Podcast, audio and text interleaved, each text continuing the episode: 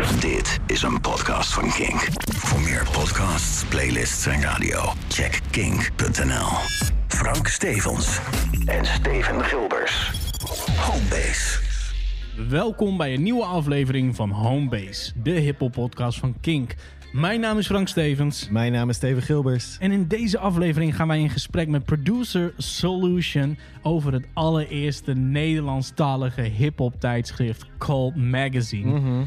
En ja, het, het is eigenlijk vrij bizar dat ik dit in twee jaar Homebase de podcast nog niet heb gedaan. Maar we gaan een kleine Jay Dilla special doen. Het is vandaag zondag 7 februari, oftewel Jay Dilla's geboortedag. Ja. En er is al genoeg over deze man eh, geschreven, gepraat, noem het maar op.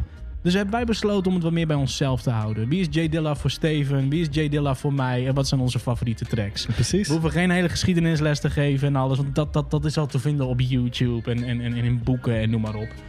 Maar eerst de vraag die ik je echt al een paar afleveringen niet meer heb gesteld. omdat we gewoon vol aan in de interview zaten.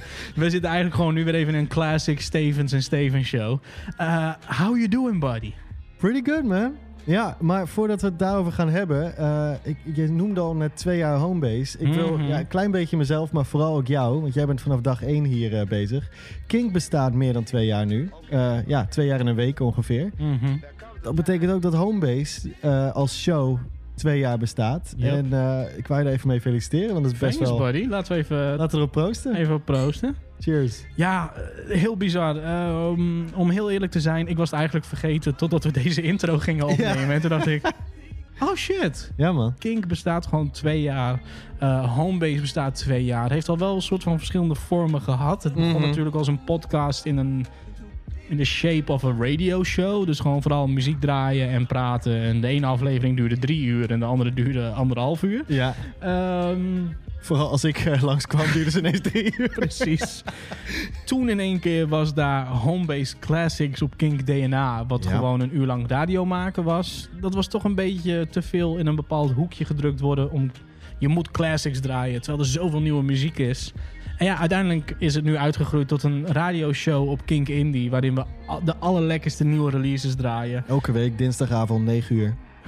Ga, de- doe nog een keer. Iedere Elke. dinsdagavond. Of, doe maar, met die stem. Homebase Radio. Homebase. Kink Indie. Daar hebben we geen jingle voor klaarstaan, of wel?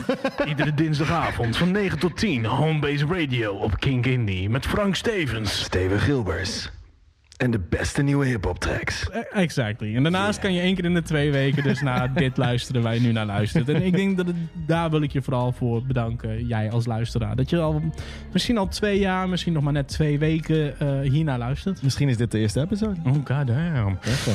Ja. Um, voor de rest, ja, jij feliciteert mij met twee jaar kink, maar ik moet jou volgens mij ook feliciteren. En ook de luisteraar, want de kwaliteit en de content gaat nog beter. We hebben een kantoor, dude. Ja, Ik en niet zomaar ergens. Nee, boven de Simplon in Groningen, waar dus al, nou ja, vijf en een half jaar, zes jaar het event Homebase plaatsvindt. Ja, Dat is waar het event is ontstaan. Vanuit daar is natuurlijk ook de podcast en de radioshow ontstaan. Dus het is al mijn thuisbasis. En ook voor jou, omdat het natuurlijk in Groningen is, wat jouw thuisbasis is. Mhm. Maar we gaan daar nu een kantoor bouwen, ja een, opzetten. een kantoor slash podcast studio waar videocontent ook geproduceerd kan worden. ja, we gaan stapje voor stapje gaan we dat uitbouwen en uitbreiden. Dus je gaat, als het goed is, over de komende ja, weken, maanden steeds meer progressie zien in, Mhm. in, in wat wij uh, uh, uitbrengen, wat we gaan produceren. Maar ja, things are looking up. Ja, ik ben gewoon heel blij dat wij een soort van mancave kunnen bouwen. Wat ook onze werkplek is. En, en dat we uit die woonkamer gaan. En, en, en weet je, we nemen dit. Voorheen namen we dit natuurlijk altijd in Hilversum op. Toen Ja. kwam het hele eh, corona gebeuren. Toen zaten we in één keer op Skype met elkaar te praten. Of met Zoom. Ja, En, en, en, en ja, nu zit ik dan, omdat wij in elkaars bubbel zitten, vaak bij jou thuis. Omdat ik geen eettafel thuis heb. En twee katten die over het apparatuur heen rennen. over ons in elkaars bubbel zitten gesproken. Ik had uh, vorige week een COVID-test gedaan, even voor de zekerheid. En uh, was negatief getest, gelukkig. En Mhm. jouw reactie was: Oh, mooi, Steven is negatief getest. Dus dan ben Dus ik dan ook ik veilig. ook en toen zei ik: Dat zijn dingen die een jaar geleden heel anders hadden geklonken. Ja, Steven heeft een test gedaan en was negatief. Dus so I'm clear, I'm good. maar nu is dat allemaal heel, eh, heel logisch. En, nu ehm, is het niet raar om als twee mannen te zeggen... Nou, Steven heeft een test gehad en was veilig. Dus ik denk Dus dat ik, ook goed Ik ben. denk dat ik ook wel goed zit. nee man, maar even serieus. Simplon is natuurlijk, los van het feit dat... als je een beetje bekend bent met de Groningse muziekscene... weet je, Vera en Mhm. Simplon... dat zijn wel een beetje de hubs voor goede muziek... voor goede alternatieve live muziek in, Ja. in Groningen. En ehm, kijk, op dit moment is het voor ons een hele mooie plek... om te gaan zitten eh, voor, vanwege wat Simplon voor ons betekent. Mhm. Maar... eh, als, als corona hopelijk eh, niet al te. eh, hopelijk duurt dat niet al te lang meer. Maar als corona weer weg is en er komen weer concerten. dan zitten wij natuurlijk op een topplek voor interviews en dergelijke daar. Dus eh, ik verwacht hele mooie content die we kunnen gaan maken in, eh, yeah, in de nieuwe studio. Hey, eh, over mooie content gesproken. eh, ik ben heel blij met het volgende interview. Eh, ik kwam namelijk via Instagram erachter dat er in één keer een, een, een, een hip-hop magazine was ontstaan in Ja. Nederland. Met de focus op eh eh, hip-hop uit Nederland en uit België. Ja. Ik heb het jou toegestuurd van: yo, check dit even. Dit is. What the fuck is dit? En, en, en normaal kan ik ook wel een soort van jaloers zijn op dit soort dingen. Dat ik denk, ah, ik wou dat ik het had gedaan. Homebase Magazine.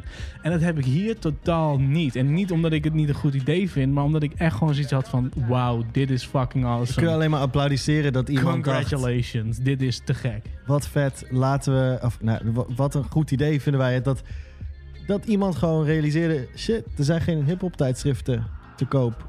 En al helemaal geen hip-hop tijdschriften van Nederlandse makelij. Precies. En nu wel. Perfecte eh, introductie is er niet. Laten we gaan luisteren naar ons interview met Solution over Cold Magazine. Ja, tof. Thanks. Als allereerste bedankt eh, dat ik eh, uitgenodigd ben natuurlijk in de podcast.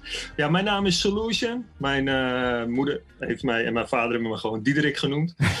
Maar ik ben een producer. voornamelijk daar begonnen mee met hip-hop, gewoon beats maken. En ik kwam heel snel met Amerikaanse artiesten, zeg maar, wat in contact. Ik daar wat, wat dingen mee doen. Toen dacht ik, ja, Diederik is gewoon niet uit te spreken. Dus zodoende heb ik ja, Solution gekozen als naam. Ja. Ehm, dat. Ik ben een beetje een duizendpoot. Ik doe van alles wat. Ik ben eigenlijk grafisch ontwerper. Zeg Mhm. maar vanuit eh, eh, die opleiding heb ik gedaan. Ehm, ja, ik schrijf wat dingen. Ik teken dus veel. eh, maak beats. Voornamelijk overseas voorheen. Ja. Ehm, ergens in 2000 of zo, he- eh, 2004 denk ik of zo. Maar toen heeft Diggy Dex een beat van mij gevraagd. Dus die kwam op zijn eerste album. Dat was het eerste Nederlandse ding. Ehm, Mayonaise voor de ziel? Sorry? Mayonaise voor de ziel? Eh, ja, die, eh, nee, wat is het? eh verhalen, op, verhalen van de sofa? Oh ja, dat is de eerste. Ja. Ja, die allereerste. Er staat de track op nog steeds. Dat was Mhm. een productie van mij. Ehm, en ik had in Japan een album uitgebracht. Daar stonden Bahamadia op, Talib Kweli, Superstition, ja, dat soort mensen. Heel. En in, ja, rond 2014 is het echt een beetje begonnen in Nederland. Ben ik met James van de Fakkelbrigade. Ja. We zijn wat albums gaan maken. Ehm, en vanuit daar, om een beetje een notendop dop te houden, zeg maar, ja, zijn we uiteindelijk Fat Windjacks gestart. Mhm. Initiatief van Noza, van Zo Moeilijk, Tension van Coffee Connect en James van de Fakkelbrigade. Ik vond hun alle drie echt knetter tof altijd. Een beetje mijn favo MC's.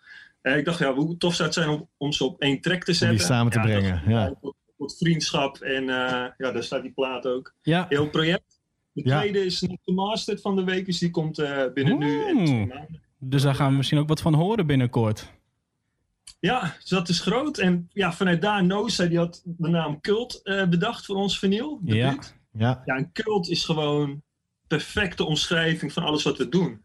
Het, weet je, we hebben geen honderden views of miljoenen streams. Mhm. Maar voor de mensen die het tof vinden, is een selecte groep mensen, die vinden het keihard.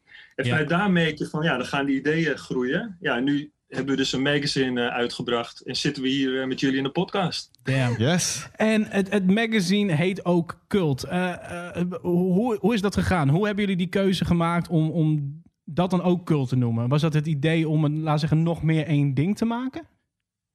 Ja, eigenlijk komt het gewoon dat cult is zo eh, ja, allesomvattend wat wij doen. Ja. Ehm, het tof is zeg maar, dat we het bijna allemaal doen gewoon als hobby. We hebben allemaal werk en we doen, we doen het daarnaast, zeg maar. Mhm. Ehm, gezin op één, werk op, eh, twee, weet je wel. Eh, en dan doen we muziek, wel heel serieus. Maar, en, en dat is het, daarom blijft het ook cult. We hoeven geen concessies te maken, weet je wel. We Juist. brengen Nee, het zelf nee.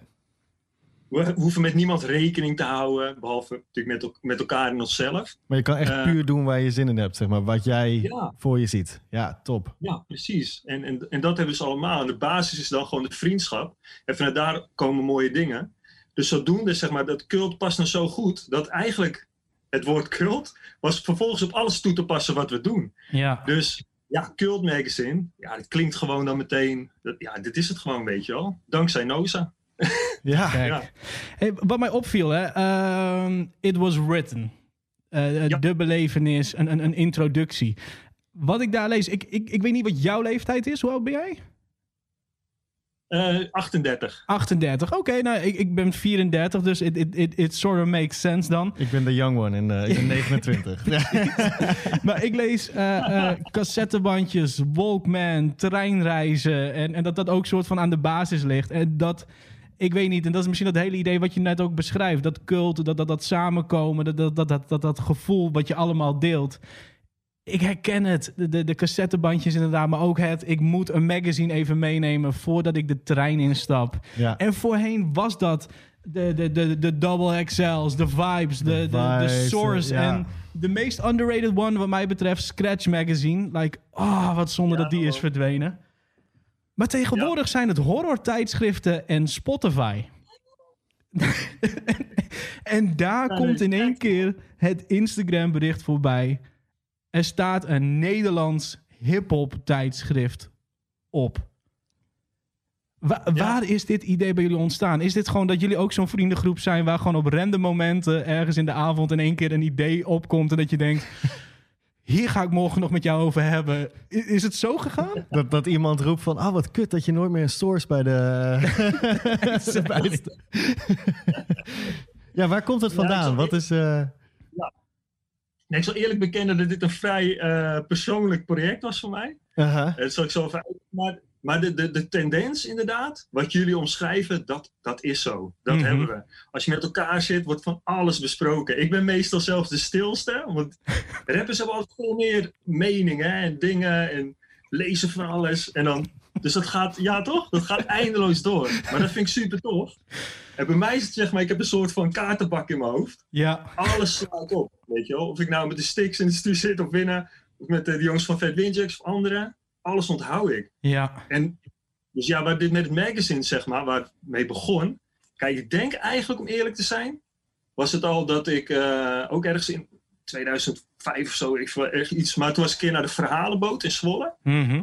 Daar ging toen Styx, Typhoon en Blackstar gingen gewoon vanuit hun eh, schriftjes lijns voorlezen. Heel Mhm. droog, maar keiharde lijns. En gewoon heel veel dingen die ook niet uitkwamen. Dus dan gaat er in mijn hoofd dat ik iets denk, oké, dit moet je onthouden.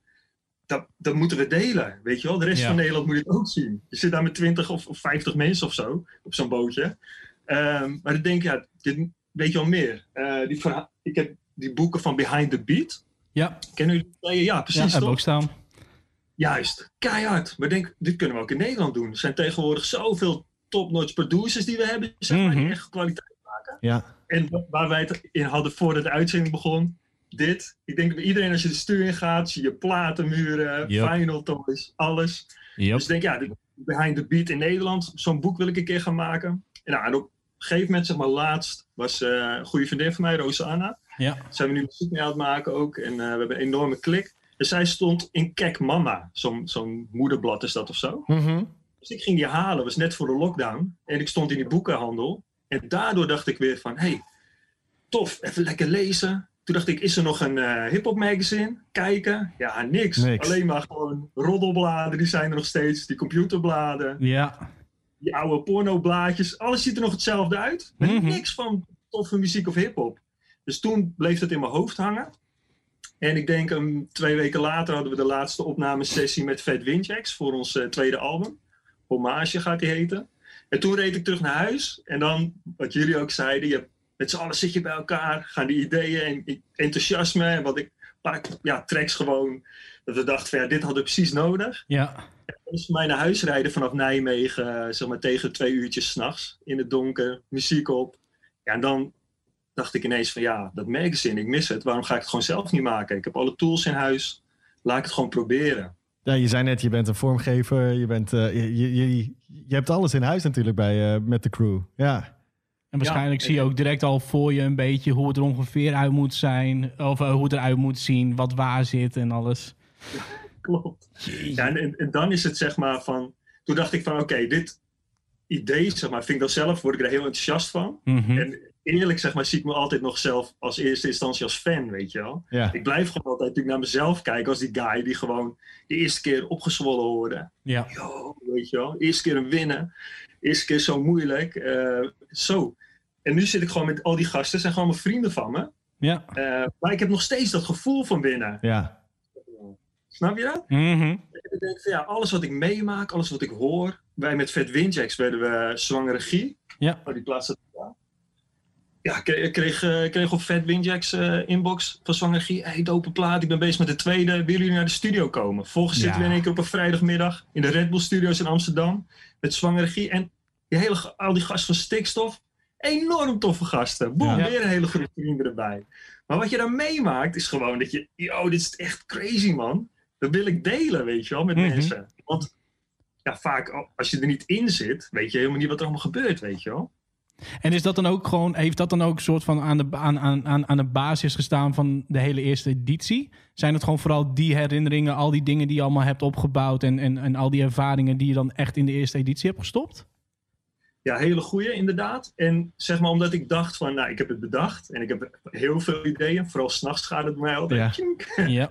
Ehm, en niet alles is haalbaar natuurlijk. Ehm, want eerlijk gezegd, zeg maar, heb ik grafisch systeem gedaan, grafisch ontwerpen. En toen dacht ik, ja, joh, dan gaat de computer zitten, trek ik dit wel. Mhm. Toen ben ik uiteindelijk bij de politie eh, gegaan als hoofdagent. Ja. Dat is gewoon in de noodhulp. Dus ja, ik, ik doe al de hoesontwerpen, het vinyl, eh, dingen. Maar ja, een magazine. Ja, weet je, ik heb al eh, in geen eh, 15 jaar eh, iets ontworpen wat meerdere bladzijden heeft. zo. Dus, toen- dus toen dacht ik, hoe pak je dat aan zonder mensen teleur te stellen? Ja. hey, dan ga ik gewoon een beetje om me heen, de mensen die me vertrouwen, die ga ik benaderen. En ik had tegen niemand gezegd eigenlijk van wat ik ging doen. Dus iedereen dacht, oh, dit is voor de website. En Oh. iedereen werkte mee met interviewtjes en dingen. Eh, totdat ik een beetje die basis had. En toen dacht ik, oké, wil ik... eh weet je, ook diggen in de crates kwam op een gegeven moment. Ik dacht van gewoon elk blad een item over een platenshop. Dus ja, Taak Ja. of een Waxwell. Ja. Eh, ik heb een contact, die was meteen down en die snapte het. Dus die had wel verteld zeg maar, van het ding. Uh, sneakerverzamelaars, alles. Ja. En zo zeg maar, bouwde ik hem op. En toen ja, had ik gewoon één besteld. En toen eh, aan de jongens laten zien van mijn hele team. Wait a minute. Je hebt Ja. niemand verteld waar je mee bezig was. Je hebt gewoon al die mensen heb je gewoon allemaal iets laten doen. Je hebt het gewoon echt op het laatste moment toen je wist van oké, nu kan ik het presenteren because I got it. Toen ben je pas ermee naar buiten gekomen. Ja, klopt helemaal. Ja. Wauw. Wauw. Dus eh, ja, toen, toen ik hem echt in mijn handen had, toen durfde ik het te delen van kijk mensen, dit is het geworden, weet je wel. Funk Flex drop a bomb, man. Wauw. Dus jij zei, kijk, ik heb die, die eh, website heb ik, eh, uitgeprint. Hier is die. Ja, holy shit. Wat vet. Damn. Dat is echt heel vet. Hey, eh, voordat we hier nog verder op, op ingaan. Als je, als je nu kijkt naar het tijdschrift, zijn er bepaalde eh, ehm, dingen die je graag anders had willen doen? Of waarvan je denkt van dat gaan we in de, in de nou ja, tweede editie doen? Of, of kan je hier echt gewoon puur naar kijken en van genieten? Ik bedoel, heel veel mensen natuurlijk die met dit soort dingen bezig zijn, kunnen heel erg kritisch zijn en alles. Heb jij dat ook of kan je hier echt gewoon volledig in opgaan? Dat was een hele goede vraag. Het is voor het eerst in mijn leven dat ik eh, even stilsta en er echt van kan genieten. Wauw. Ja. En als ik zeg van, nou, ik- dit had ik in mijn hoofd, zeg maar, dat is de team. Dan, zeg ik, dan is het voor mezelf uitgekomen op een 9, zeg maar. Ja. Nice. Ja, sommige lettertypes had ik misschien net even anders gedaan op iets meer ruimte. Ja. Maar ja, dat komt ook. En dat, dat is eigenlijk een heel groot verhaal, maar ik ga hem heel kort vertellen. Maar ehm, ik zeg maar 17,5 jaar heb ik in de noodhulp gewerkt bij de politie. Ja. Altijd vooraan staan. Net zo enthousiast als dat ik ben in mijn muziek. En eh, ben ik daar ook. Dus fulltime werken, onregelmatig. Mensen die onder de trein springen. Ja, raap je van alles bij elkaar, van hun hoofd, los en voet. Gijzelingen, dodelijke verkeersongevallen. Mensen vertellen dat je kind nooit meer thuis komt. En ik dacht, ik kan het Ja. allemaal wel handelen. Ja. Tot, nou ja, bijna precies een jaar geleden. In één keer ik ja, mentaal echt tegen de muur opliep. En eh, ik ging gewoon op zwart. Ik kon niks meer. Ik kon niks meer verdragen. Geen, geen licht meer, geen eh, geluid. Ik had koude piep in mijn oren. Ik raakte helemaal in paniek. Ehm, ja, ja, ik lach een beetje bij, ik vind het natuurlijk helemaal niet tof. Nee. Eh, dus toen ja, zeiden ze eerst van, oké, je hebt een burn-out. En toen ging het van kwaad tot erg en toen bleek dus PTSS. Ja, ik wou net zeggen. Ja. Ja. En dus ik ben daar nu voor in behandeling. Ehm, en nu voor het eerst in mijn leven, in, in ja, echt 38 jaar, sta ik stil. Dat ik denk van, oké, maar ik dan, weet je wel. Wie ben je eigenlijk? Ja. Waar hou je van? Wat geeft je energie? En zodoende was ik dus weer gaan tekenen. Daar was het ook een beetje mee begonnen. Dus ik ging wat, nou ja, wat dingetjes doen. En eh, een beetje vrienden van mij tekenen, mijn kids. En, en dat hielp ook mee in dat idee van... Op een gegeven moment kon ik al die tekeningen ook gebruiken, weet je wel, voor die Ja. magazine. Ja, hoefde ik niet naar iedereen toe om een foto te schieten bij het interview. Ik, oh, lekker, ik, ik teken ze gewoon. Dat Ja. scheelt weer. Dus ja, dus dat. Wat was je vraag eigenlijk ook alweer? Nou ja, of je hier compleet achter kon staan. Of, of dat er ook dingetjes waren die je graag anders had gedaan. Maar Maar, dit is bijna inderdaad een soort bevrijding dan, dit project voor jou waarschijnlijk. Ja, ik, misschien leg ik de verkeerde woorden in je mond hoor, maar zo, zo komt het op mij over. nou ja, juist omdat wat je ook zegt. Je hoefde niet met andere mensen rekening te houden. Want je was gewoon stiekem alles aan het verzamelen. Ze wisten niet eens wat je aan het doen was, zeg maar. Precies. Nee, precies. Damn. Ja, daar heb je helemaal gelijk in. Dus het is, heeft heel therapeutisch voor mij gewerkt. En het geeft mij iets dat ik denk van... Stel je voor dat dit is de slechtste periode van mijn leven. Als, dit, Ja. als ik hier niet uitkom... kan ik gewoon wel dingen doen waar ik blij van word. Something to show for. Ja. Ja, en dat geeft me gewoon heel veel rust. Eh, ja.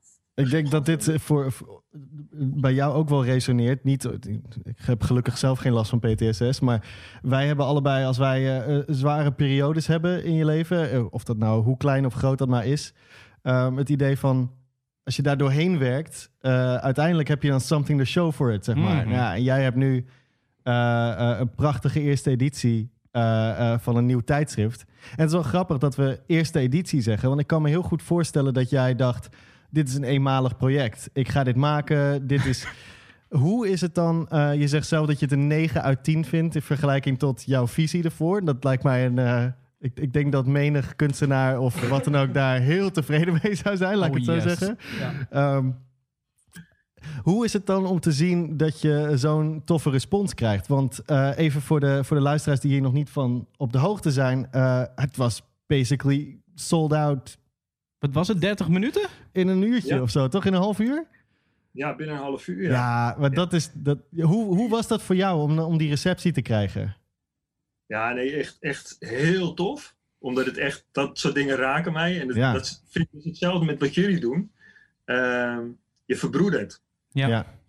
jullie hadden vorige keer te relaxed. eh, ja, een andere keer zullen we die hebben, dat. Maar omdat jullie daar tussenin zitten, dan linkt het aan elkaar. Ja. Ja. Ja, met de mensen is dat natuurlijk heel tastbaar.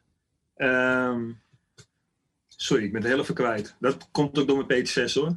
Ja, nee. nee ehm, hoe, hoe het is om die, die, die respons te krijgen van, eh, van de lezers. Of mm, to- toen ze amper nog lezers waren, toen ze het bestelden natuurlijk. Nou ja, dit was inderdaad ook een vraag die ik wou stellen. Ehm, volgens mij hebben jullie dit toch gewoon ook alleen maar puur gedaan met, met Instagram. Ik, bedoel, ik Ja. denk dat het heel goed aansluit hoor. Want je hebt een soort van een balletje opgegooid, dit komt eraan. En de respons is direct gewoon uitverkocht in 30 minuten. Weet je hoeveel projecten mensen ooit de wereld in hebben geschopt? Waar het gewoon eerst. Weet je wel, normaal gesproken gebeurt dit pas bij de tiende editie. Of de, of Ja. de twaalfde. But you guys sold out in 30 minutes. Ja, en dan je- inderdaad de vraag, hoe is dat om dat te zien gebeuren? Een soort als artiest moet je meestal eh, vijf jaar lang in kroegjes voor vier man staan. en dan hoop je dat je een keer een show... Zij in verkopen direct de Dome ver- uit. Ja, precies. Dit is een soort van... In, in Nederlands hip-hop tijdschrifttermen is dit inderdaad de Ziggo Dome uitverkopen, basically, toch? Ja, nee, 100 Kijk, en, da- en daar gingen we, zeg maar, omdat ik natuurlijk een beetje uit de vinylwereld kom en met ons cult vinyl, Ja. ja, was het spannend, weet je wel, toen eh, twee jaar geleden, van nou, we gaan het uitbrengen, zijn er mensen die het gaan kopen? Ja. Weet je, we zijn een, een, een genre van, oké, we doen hip-hop, dan nog een bepaalde manier van hip-hop, waar echt taal ook echt de kunstvorm is. En, Ja. eh, dan in het Nederlands, zeg maar. Hè. Dus het is eh, een subgenre in subgenre in subgenre, zeg maar. Zo Ja. zijn nozen. Ja. Dus daardoor dacht ik, ja, zitten mensen. En toen zagen we ook met die vinylverkoop in één keer van, dat was ook crazy, weet je wel. Wij verkochten hem zelf voor 20 euro. Mhm. Nu wordt hij gewoon verkocht op Discogs voor tussen 150 en 200. Betalen mensen er gewoon voor. I know, maar dat, een hele grote oplage hadden gemaakt. Ja, maar dat zie je toch ook terug met eh, cassettebandjes. Want jij hebt bijvoorbeeld ook dingen met tapes gedaan. Ik ook. Ik heb eh, in het verleden eh, tapes uitgebracht. Onder andere van Engel. En die van Engel die verkochten wij voor, wat was het? Het was volgens mij 5 euro, 7,50 voor een singeltje. In één keer zie ik Ja. zo op Marktplaats iemand het aanbieden. Ja, er zijn maar zoveel van gemaakt en 50 euro. En zo... Really? Ik heb hier nog 10 liggen. Weet je, mail me, 7,50. Like, I got you. Ik zou misschien die prijs van die van jou omhoog gooien. Maar waar denk je dat dat dan vandaan komt? I- I- hebben wij het idee, en dat komt natuurlijk ook weer terug in hè, het hele idee van cult waar we het eerder over hadden. Heb jij het idee dat dit misschien veel groter is dan we zelf eh, eh, eh, kunnen zien? Want je Ja, denkt dat daar hij... kom ik dus nu achter. Ja. Ja, want wat, wat, je- wat jullie vroegen natuurlijk, voor- wat vind je van jullie respons? Kijk, wat bewust hebben we zeg maar die eerste hadden we ge- gewoon genummerd. Ja. Ja. Dus hetzelfde idee met het vinyl, ook handmatig genummerd. Dat verkoopt gewoon beter. Het is marketingtechnisch wise, maar het is ook tof. Want het waren zelf- 100 stuks, toch? 100 stuks was de oplage. Ja. Ja. Zeg maar, als, je, eh, ik- als ik zelf een vinyl heb die genummerd is van Alchemist bijvoorbeeld, Ja. ook veel. Ja, dan weet ik, oh, ik heb nummer 34, maar het, het, het zegt net even wat meer. Ja. Ja, totally agree. dacht ik, ook, doe er 100. Maar ik dacht de voorhand, ja, misschien verkopen we die helemaal niet. Dus ik denk... Zit je dan met zo'n stapel thuis? Ja. Ja, precies. Doe de 60. Nou, iets van, eh, nou ja, tussen de 10 en 15 ging gewoon naar onze eigen crew en mensen, zeg maar, gewoon even opsturen van, dit zijn ook allemaal liefhebbers en mensen die Mhm. daar mee hebben gewerkt. Ehm, zeg maar, met de interviews. Mhm. Dus hield ik er nog een, een klein aantal over om te verzenden. Maar ik denk eerst maar eens kijken of ik die überhaupt kwijtraak. En dan inderdaad binnen een half uur, pap, pap, worden er honderd verkocht. Ik shit, en nu dan, weet je wel. Dit is, ja, het hoofddoel is, ik wil verbroederen en van een liefhebber voor liefhebber. Dus Ja. overlegd in de, in de app, zeg maar, jongens, we gewoon open laten staan. Iedereen die bestelt, die krijgt dan geen genummerde kopie, maar wel gewoon het hele magazine. Ah. En dan laten we het hele weekend gewoon mogen mensen orderen. Ja, volgens hebben we gewoon een paar honderd orders binnengekregen. Dus ja, toen beseften we ineens van, wacht even, dit is groot. Extins vet enthousiast. Ja. Eh, een brainpower, grappig, zeg maar. Ik, ik, is cool, maar zeg maar gasten ook dat je denkt, oké, die vindt het ook allemaal. Ja. Eh, ik heb contact met Stix. Die had, had ik ook niks verteld, dus heb ik ook gewoon natuurlijk een opgestuurd.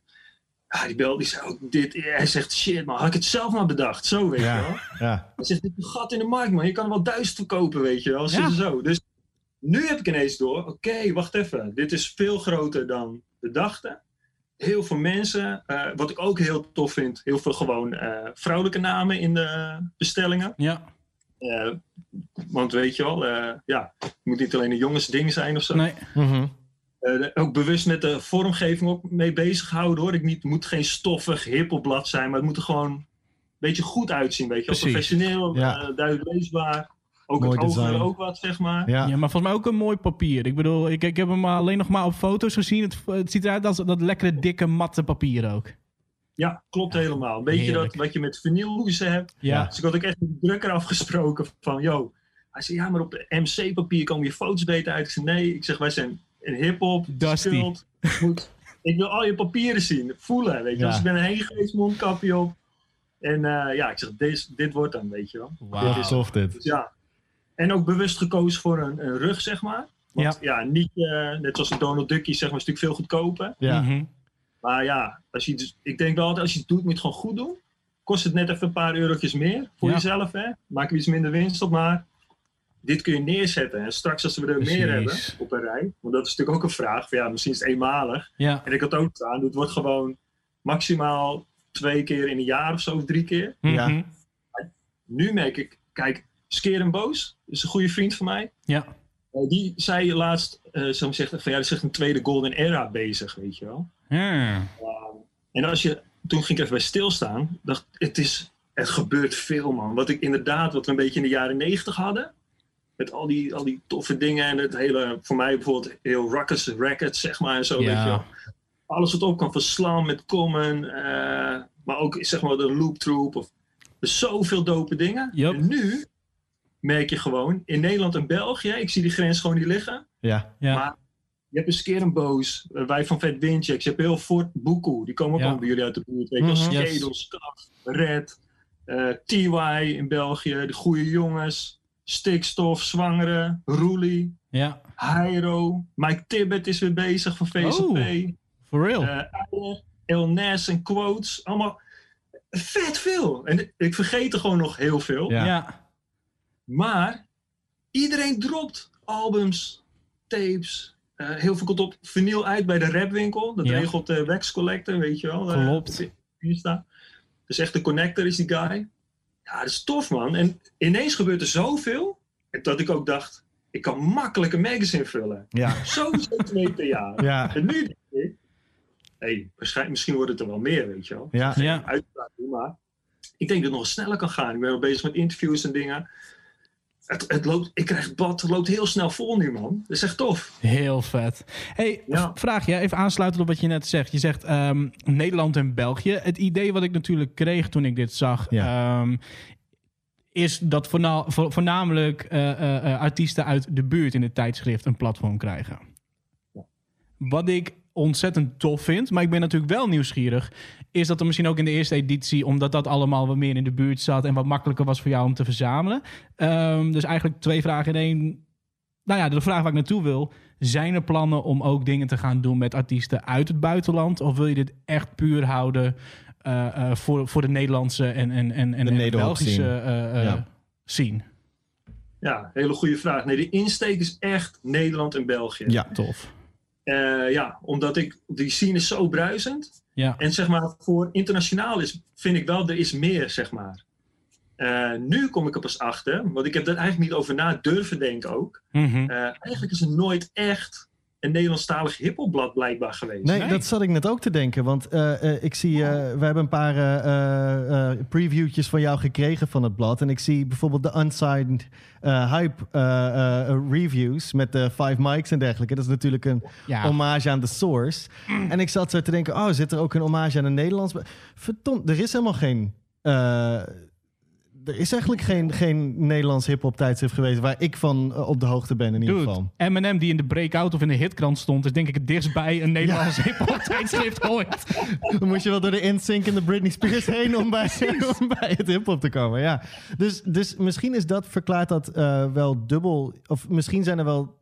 Ik zit gewoon hard op te denken hoor. Maar aan de ene kant denk ik dat eh, het deel van het succes, ehm, los van de, de kwaliteit en hoe goed het eruit ziet en zo, Mhm. die drang van mensen is naar een hip-hop tijdschrift weer in Nederland. Want je kan niet meer de, de Primera binnenlopen. Nou, dat is sowieso moeilijk tegenwoordig. Maar je kan niet meer de Primera binnenlopen en gewoon een double XL of een source uit de schappen Nee. pakken. Weet je, dat ligt er gewoon bijna nergens meer. Misschien wel nergens meer.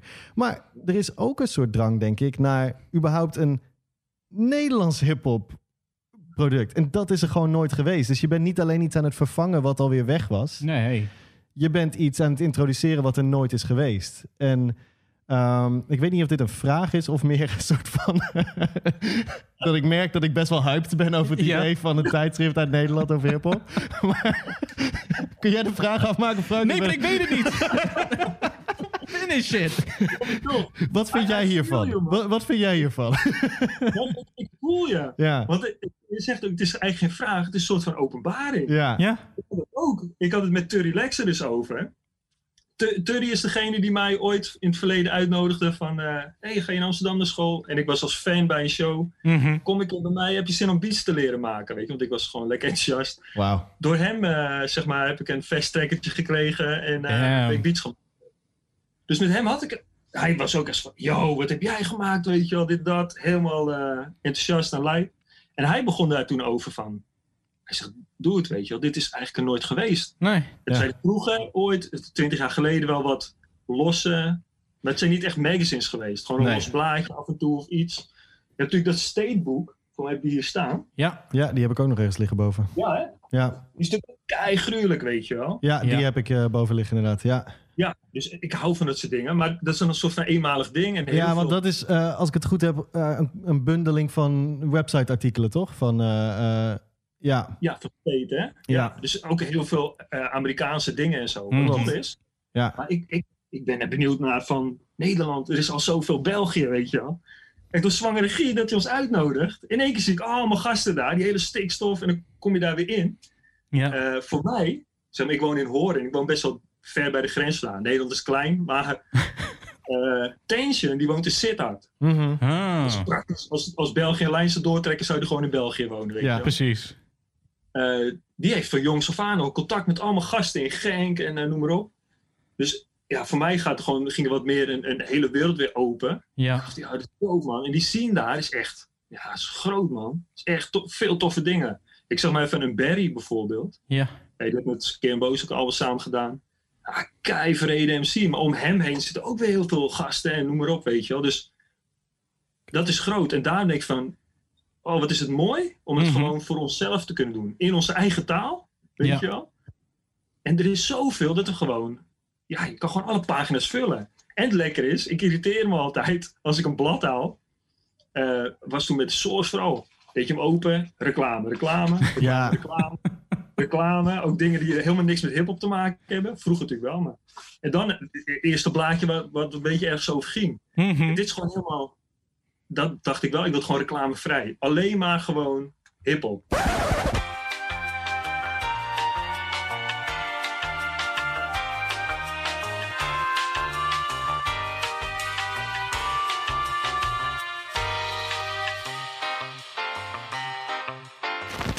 Ja. Oké, we hadden zojuist wat, eh, wat technical difficulties. Want omdat Steven graag met zijn smol ook ergens te zien wou zijn. In plaats van alleen maar te horen eh, eh, zijn. zitten we tegenwoordig ook op YouTube. Kan je ons ook daar vinden. Alleen er ging iets mis met de video. We moesten even wat ruimte maken. Maar we zijn weer terug met Solution. Om het te hebben over Cult Magazine. Maar ja, voor de luisteraar is er eigenlijk niet zo heel veel Nee, veranderd in de tussentijd. Het is gewoon een ongemakkelijke cut en daar zijn ze weer. ik ben het aan, het aan elkaar lullen alsof we net een track hebben gedraaid. Kunnen we misschien trouwens ook wel doen. Kunnen we misschien wel doen. dat- Kijk, dat we kijken wel. Komt goed. Kijk, we, we zaten net eventjes na te denken van, van wat, wat is echt een vraag waar we nog een beetje mee zitten. Ehm, als je kijkt naar alles wat er op je af is gekomen in de afgelopen dagen. ehm, zijn er ideeën voor bijvoorbeeld een tweede editie of misschien iets totaal anders waar je aan het begin van dacht van ja, weet ik niet, misschien ooit sla ik op in die, in die bakken waar je het over had. Dat zit ergens, ergens in mijn hoofd en kan ik altijd tevoorschijn halen. Waarvan je nu denkt, hmm, dat is misschien toch wel iets wat, wat, wat, wat, wat dichterbij is dan ik een paar maanden geleden dacht. Ja, 100 procent. goede vraag ook weer. Eh, heel veel dingen. En bijvoorbeeld één ding, want dat vind ik wel tof om te zeggen. Is bijvoorbeeld voor mij is een Nederlands eh, talig album van The Proof, de eerste Mhm. Transitions. Ik denk dat die hier ook ergens achter mij staat. Ja, hier. Oh ja. Ah, ja. Dat album, ik kan die gewoon van voor naar achter draaien. Dus ik had een item ook bij ons in het magazine gemaakt, Respect the Architect. Ja. Eh, waar ik even een eh, knipoog van een clip die we hadden gemaakt met allemaal hoesen van hip-hop artiesten die wij doop vinden. Ja. Klopt, Ray and Ghost, toch? Ja, Rain Ghost, Yes. netjes. Ehm, met het idee van, als dit nou loopt, lijkt me tof om gewoon die guys die voor ons kwamen, om die gewoon die shine te geven. Want Mhm. zo- zo'n album heeft voor mij heel veel betekend. Ik dacht van, dit zijn gewoon guys uit Nederland. Het niveau is zo hoog. Ja. Eh, dan zit je al eind jaren 90 was dat volgens mij. Eh, Dat deed je beseffen van oké, maar wij, ook, wij kunnen dit gewoon binnen Nederland ook doen op een hele toffe manier. Een soort Mount Dus ik dacht, ja. Rushmore van de nederhop bouwen eigenlijk. Ja. Ja. Dus ik dacht van als ik die gasten bijvoorbeeld een keer kan benaderen, maar ik ken ze helemaal niet. Nu, een van die gasten reageert gewoon door het magazine in- op de inbox. Hey, wat Ja. dope, dit en dat. Ik zeg, wow, weet je wel. Dus eh, nu heb ik contact en ga ik ze binnenkort interviewen, zeg maar. Ah, Kijk. Dus ja, dus voor mij is dat gewoon super dope. Want anders, ja, hoe kom je daar? Of hoe... Dus het gebeurt al vanzelf. Te gek. Ja. wat vet. Ja, en Ja. zo dus meer, zeg maar, want ik had ook bewust eh, geschreven ook, zeg maar, hier in, in het begin.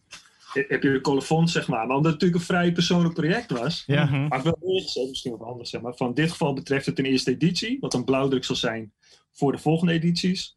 We willen jullie een kijkje geven in onze wereld en alles daaromheen. Wat de familie is, zeg maar, en of wat we doop vinden. Ja. Volgende editie meer gastschrijvers en meer kijkjes voorbij wat nu nog grenzen lijken. Dat zeg maar. Dus dit was best wel intiem. Al mijn vrienden, mijn vriendinnen, mensen die dicht aan mijn hart staan, staan hierin. Ja. En niet, geen concessies van, eh, ja, omdat het vriend is, moet iedereen. Nee, allemaal wat dope mensen, stuk Mhm. voor stuk, met kwaliteit, zeg maar. Te gek. Nu, omdat we dit hebben, en het wordt zo positief ontvangen, durf ik die stap naar buiten te maken. Ja. En ga dus gasten benaderen, waar ik gewoon ja, nog steeds tegenop kijk die ik nog helemaal niet ken. Of, maar zeg maar, alles kan nu, alles is mogelijk. Ja. Ja, de wereld ligt open. En nu, zeg maar net als met jullie, dat jullie ook, inderdaad, dan kom je eigenlijk met elkaar achter. Het is er gewoon nooit geweest in Nederland. Nee. Nee. En nu kan het. Het platform ligt er. Het is de tijd. We, we beseffen met z'n allen, dat heb ik natuurlijk ook in eh, It Was Written geschreven, van het lijkt wel of we in de tijd zitten dat we beseffen wat we bijna kwijtraakten. Mhm. Eh, dat komt bijvoorbeeld ook weer door bijvoorbeeld wat Stix heeft gedaan in de fundatie. Ja. Met zijn project met Cubus. Dat je ziet vanuit het hele land en vanuit België reizen mensen naar een museum om tracks te horen van Stix en Ja. Cubus.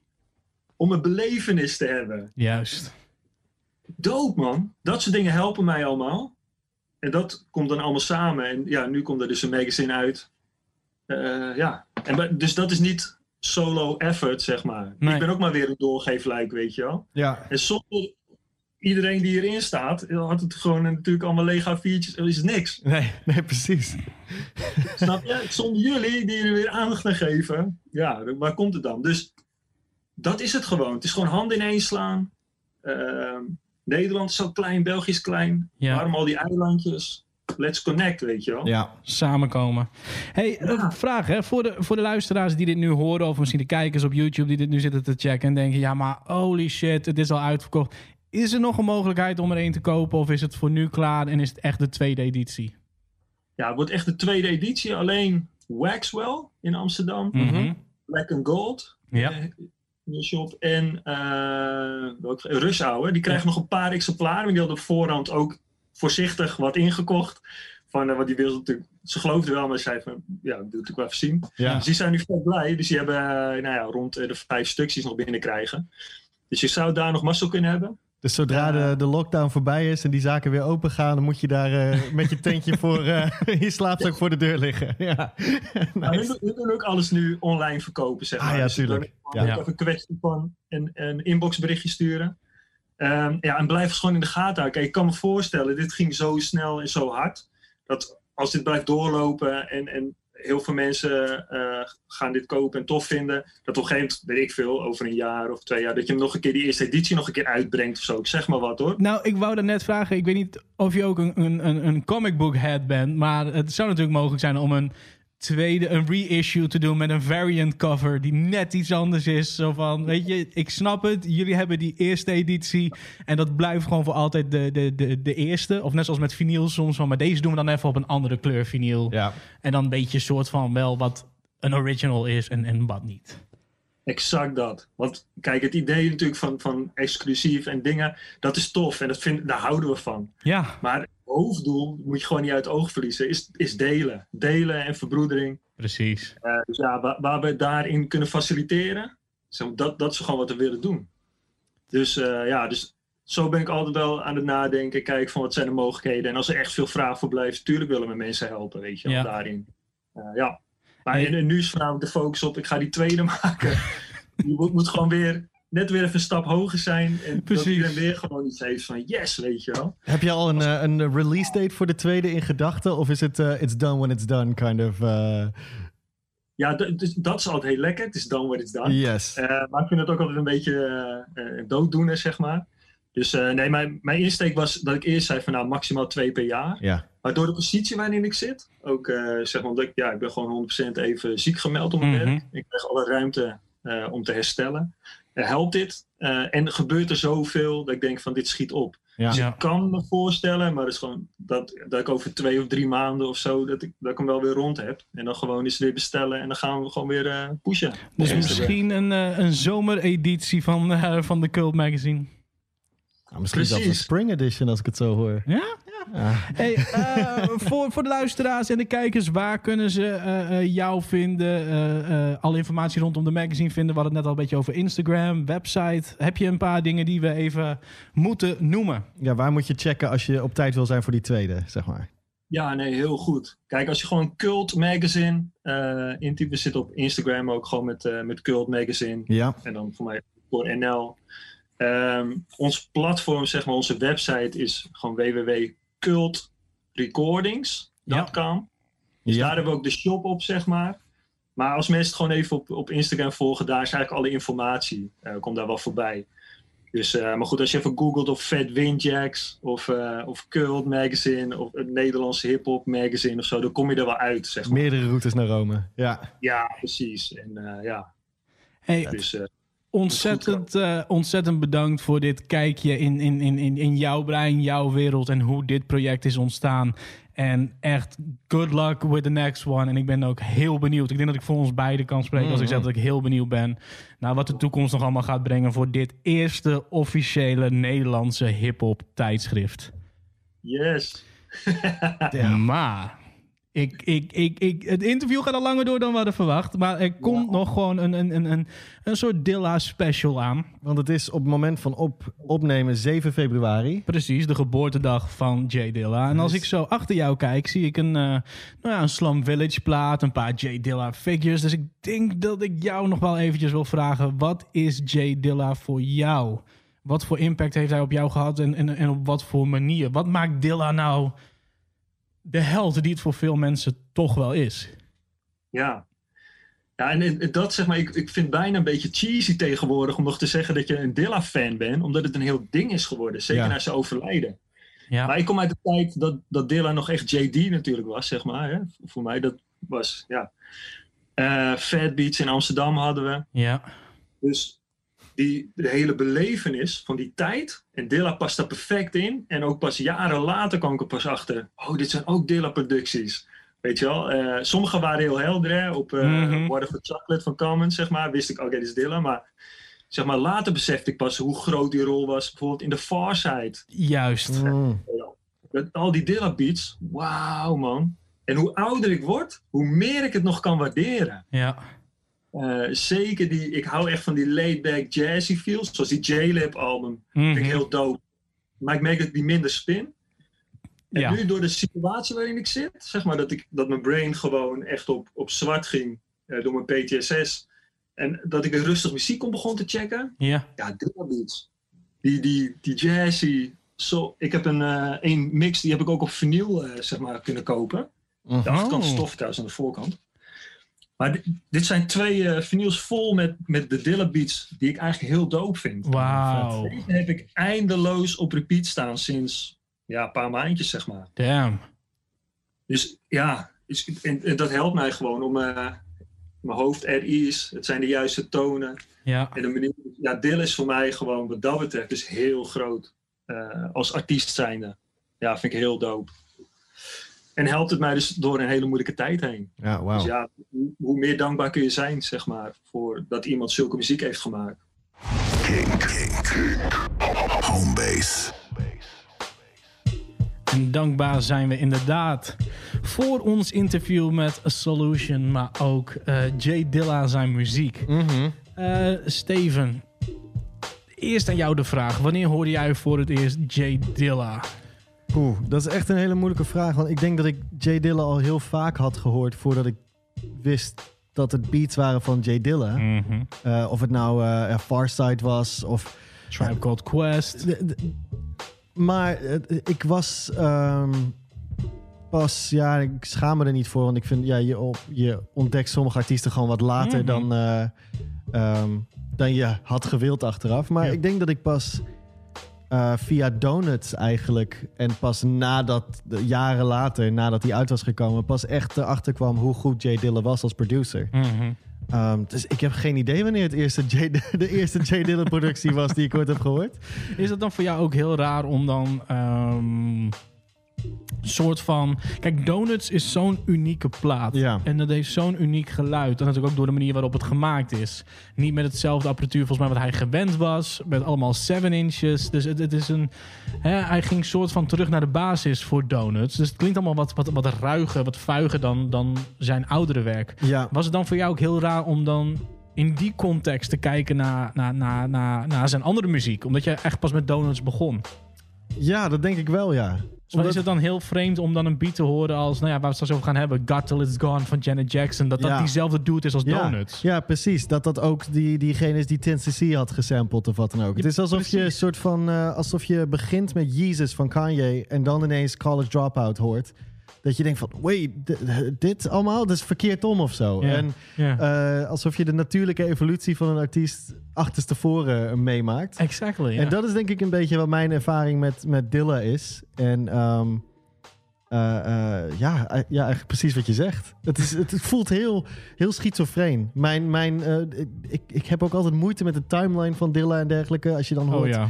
oh shit, ja, Detroit is ook inderdaad met D&D underground artists uit Detroit Mhm. gewerkt. En ja, wat je zei, eh, Tribe Called Quest, Farside, al die, al die shit die die, die die ook heeft gedaan en die soul sound. ehm, Ja, nou ja, kijk, voor mij was... ehm, even kijken, jij, jij hebt hem voor je liggen. Wanneer kwam Donuts uit? 2006 toch? 2000. Vlak voordat hij overleed. Ja, dus ik was eigenlijk al wel bekend met zijn muziek. Want ik zat al helemaal in de Madlib en al dat. Ja. Dus ik had J-Lip al gehoord. Ja, Dus ik wist ook al wel wie de dude was en wat hij met de Farside en Tribe Called Quest en zo heeft gedaan. Maar ik weet wel dat dat het moment was dat ik echt... Ook ik moest daar nog eventjes nadenken van, wacht even. Is dit dezelfde dude die Drop heeft gedaan? Drop? En Running? Like, Ja. dat- zijn zulke Farside tracks. En ik denk dat als je... Hoe ga ik dit uitleggen? Jay Dilla... Normaal is een producer onderdeel van een groep. Dus bij Mob Deep heb je Havoc, maar dat is ook de rapper. Dus dat Havoc de beats maakt, was een beetje achteraf zo... Oh ja, makes sense. Want het zijn Mob Deep beats. Het is niet Mhm. een gastproducer of nee, precies. Uh, bij Tribe Called Quest maakte ook hun eigen beats. Dus het was een soort van... Huh, hoezo een andere producer? Tribe Called Quest heeft geen andere producer. Dat zijn ze zelf. Ja, En dat had ik ook altijd bij de Far Side. Ja. Want achteraf, nu ik gewoon laten zeggen wat verder erin zit. eh, ehm, de Far Side heeft gewoon een eigen producer aan het begin gehad. ja. Jay Swift. Mhm. Ehm, en LAJ heeft er ook heel veel mee gedaan. Maar op de tweede plaat waren ze daarvan gescheiden. Dan zijn ze een soort van verder gegaan. Maar als jouw beeld is dat Farside is gewoon een, een soort van zichzelf... eh, Ja. eh, ehm, hoe noem je dat? Een, een, Op zichzelf staande unit was. Precies, dan is het heel in-house producer. Ja. om, om, om met de kennis van nu, wetende hoe, hoe groot Jay Dilla is geworden in de hip-hop scene en alles. Ja, Die dude Running heeft geproduceerd. ja.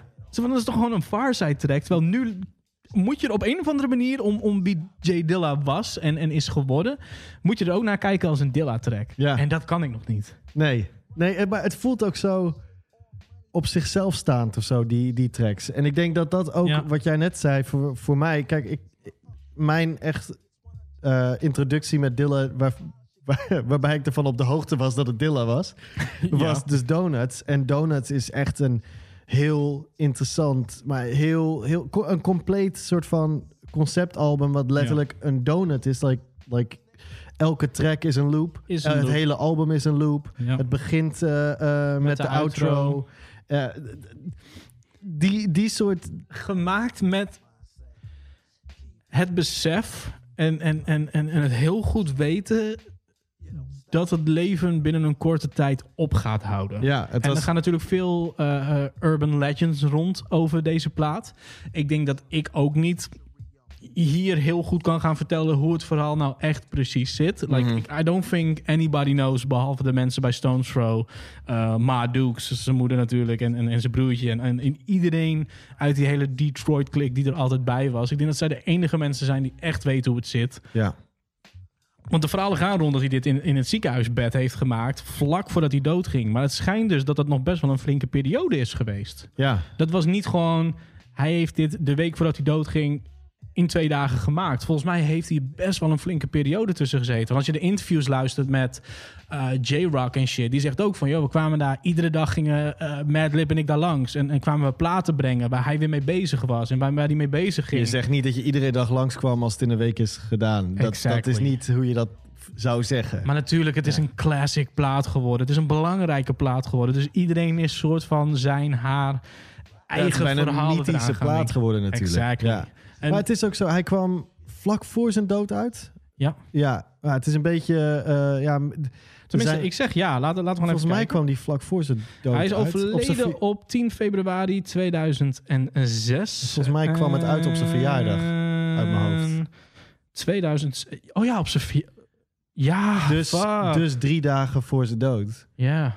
eh, ehm, Nou, kwam die plaat uit. Dus hij heeft nog net eh, de, de flowers while he, could, while he could still smell them, zeg maar, gekregen Ja. toen die eh, plaatsen ontvangen werd. En toen is hij vlak daarna overleden. Ik heb nog een verhaal voor jou.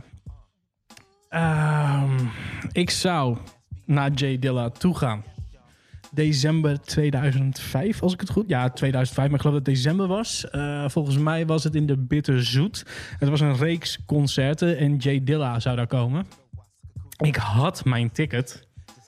Maar mijn toenmalige eh, eh, vriendin, haar moeder eh, en, en die haar man zouden even een weekendje weggaan. Ik weet niet zeker of het hun huwelijksreis was, Oh god. maar wij zouden op het huis passen. Oh.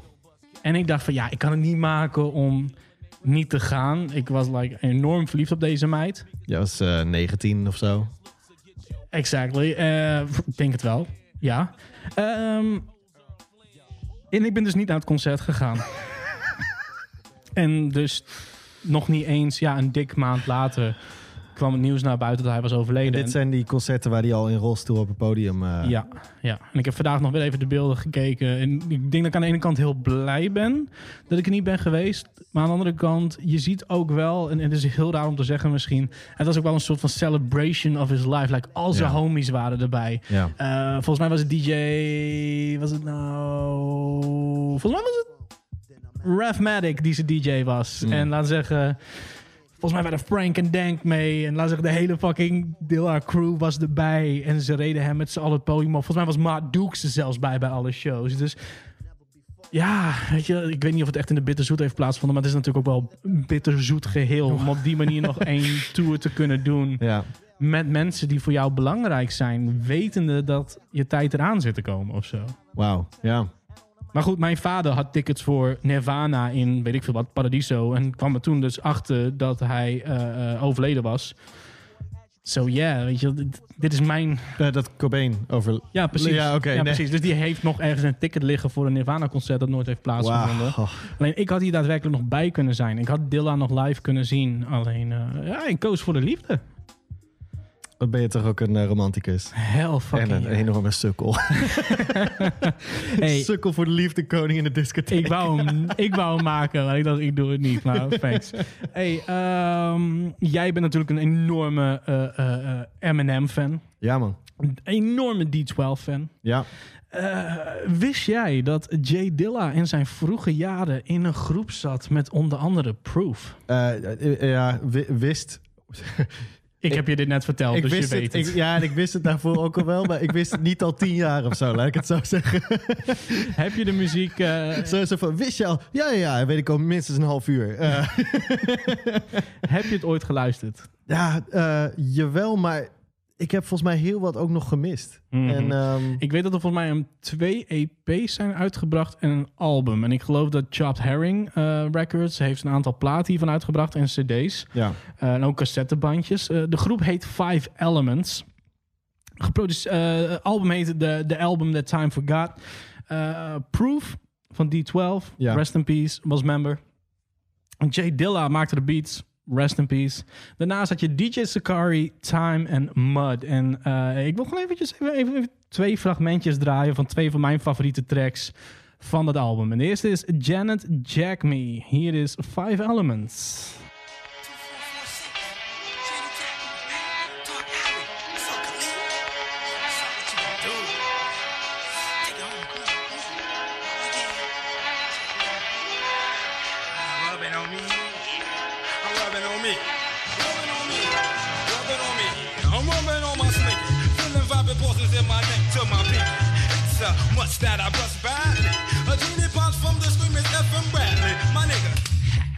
Grants me one wish I ask this one.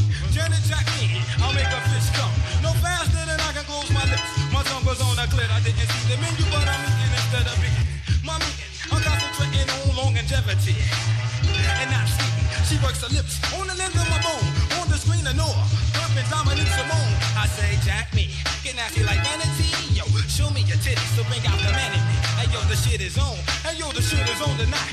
Her pussy lips was ready right. I, I stuck in the mic. We bumping and grinding, but now we're humping and climbing. But now she's coming and humming. I'm stuck three fingers of thumbing. Keep it up with this bass. I got no stroke to waste. I wanna bust pistachios in her face. I'm yo, I'm big in this. Her butt was chicken Hey yo, I stuck my fingers in the butt and made her wiggle. I want to bust pistachios in her face. Wauw, je hoorde dus eh, Five Elements, een, eh, een groep waar Jay Dilla in zijn jonge jaren bij zat en voor produceerde. Met onder andere Proof van D12, dude. Ja, En weet je wat ik het grappige vind? Ik bedoel, jij, jij kent mij al een tijdje. Jij weet ongeveer wel wat mijn favoriete flavors zijn binnen hip-hop. Zo van, ik hou van Ja Rule. hip-hop. Asshole. Dit doet mij heel erg denken aan die early Gravedigger shit. Ah, je hebt letterlijk een Gravediggers pet op nu voor de luisteraars. Nee. Eh, nee, maar dat doet me echt denken aan early Gravedigger shit. Weet je, bijna dat hoe... Proof, volgens mij hoorde je net, hoe hij aan het rappen was, was bijna een soort Ja. van eh, de gelijke flow die eh Too Poetic had. Dat, weet je, dat hele speelse, half zingende. Dus dat vind ik wel grappig. Dat dit is niet de sound die je met Jay Dilla Het is zou... bijna de sound die je op eh, Infinite wel hoort. Eh, Infinite van ehm, Eminem, zijn eigenlijk officieel eerste album inderdaad. Ja, ja, Ja. inderdaad. Want die, die flow die je nu doet, welke shit, welke... Is dat open mic? Who the fuck passed you the mic, and said that you can flow? Dat is die flow een beetje. Ja. Ja, dat is 96 natuurlijk. Detroit. Ja. Eh, dat hoor je hier een beetje in terug. Maar grappig dat, dat Dilla soort van de voorloper was van allerlei sounds die pas relevant werden eh, nadat hij, Nadat hij al uitgespeeld was. Ja, ja. En, en hier hoor je echt gewoon die, die, die early Dilla shit. En ik, ik weet niet. Ik, ik vind het altijd lastig om dit soort dingen aan te zetten. Zo van oké, is het heel cool om te luisteren of gaat dit echt zo disappointing zijn van hoe een legend zijn eerste shit was ook gewoon matig, weet je, dat idee. But this bangs, man. ja. It's fucking good. Eh, ik, ik zou zeggen, laat nog één track van deze, van deze plaat even opzetten. Het nummer heet Sunflower. En het is een bonus track. En ik zou niet weten waarom. Because I really, really, really, really love it.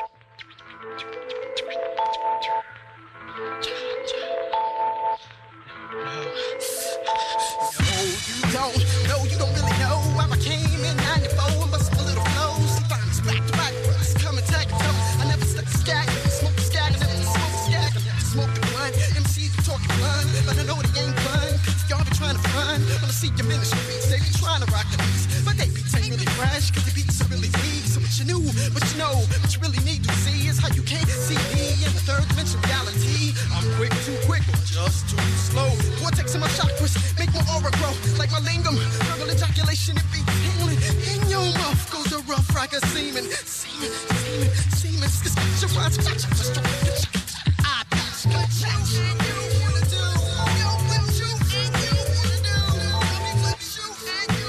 best grappig wat jij net zegt.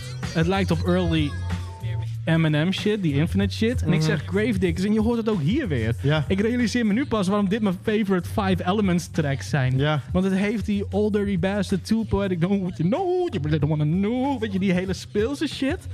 Maar ook dat refrein, nou, you, what you, what you wanna do.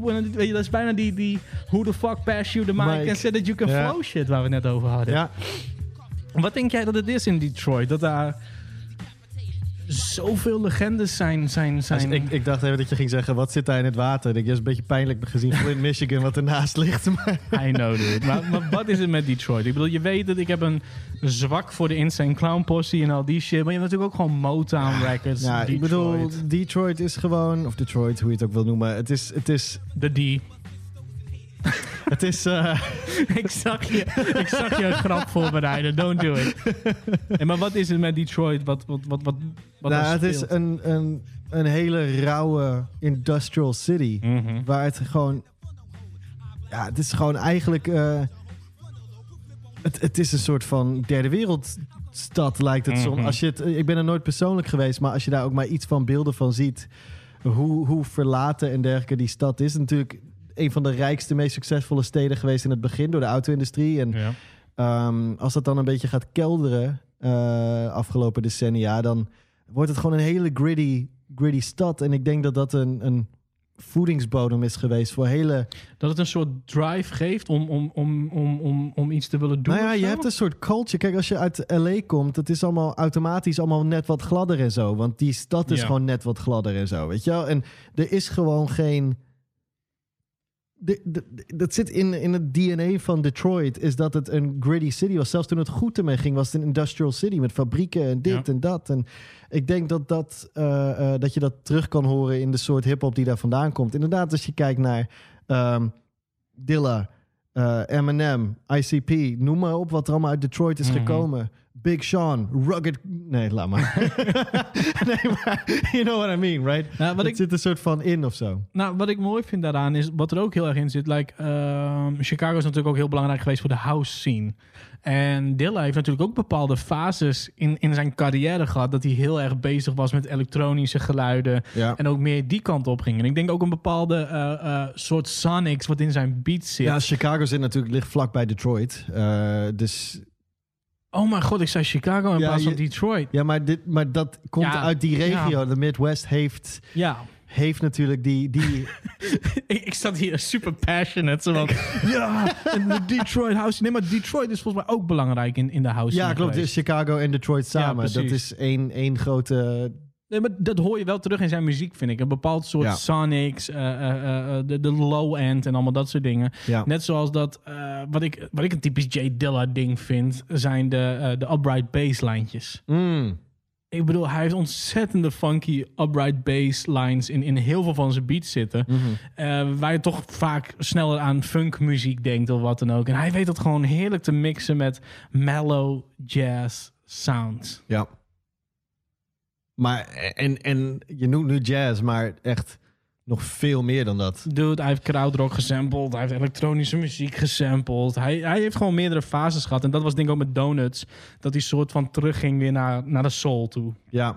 En dan, nou ja, 10cc is dan niet echt bepaald soul te noemen. Maar you know what I mean. Ik, eh, ik, ik wil eigenlijk even een track draaien... wat ook weer een soort van J. Dilla Urban Legend is. Ehm, waarom? Nou, dat gaan we je zo uitleggen. Ik denk dat we eerst gewoon even moeten luisteren... naar toch wel een nummer... die waarschijnlijk zelfs je ouders wel zullen kennen. Janet Jackson. God Till It's Gone, featuring Q-Tip.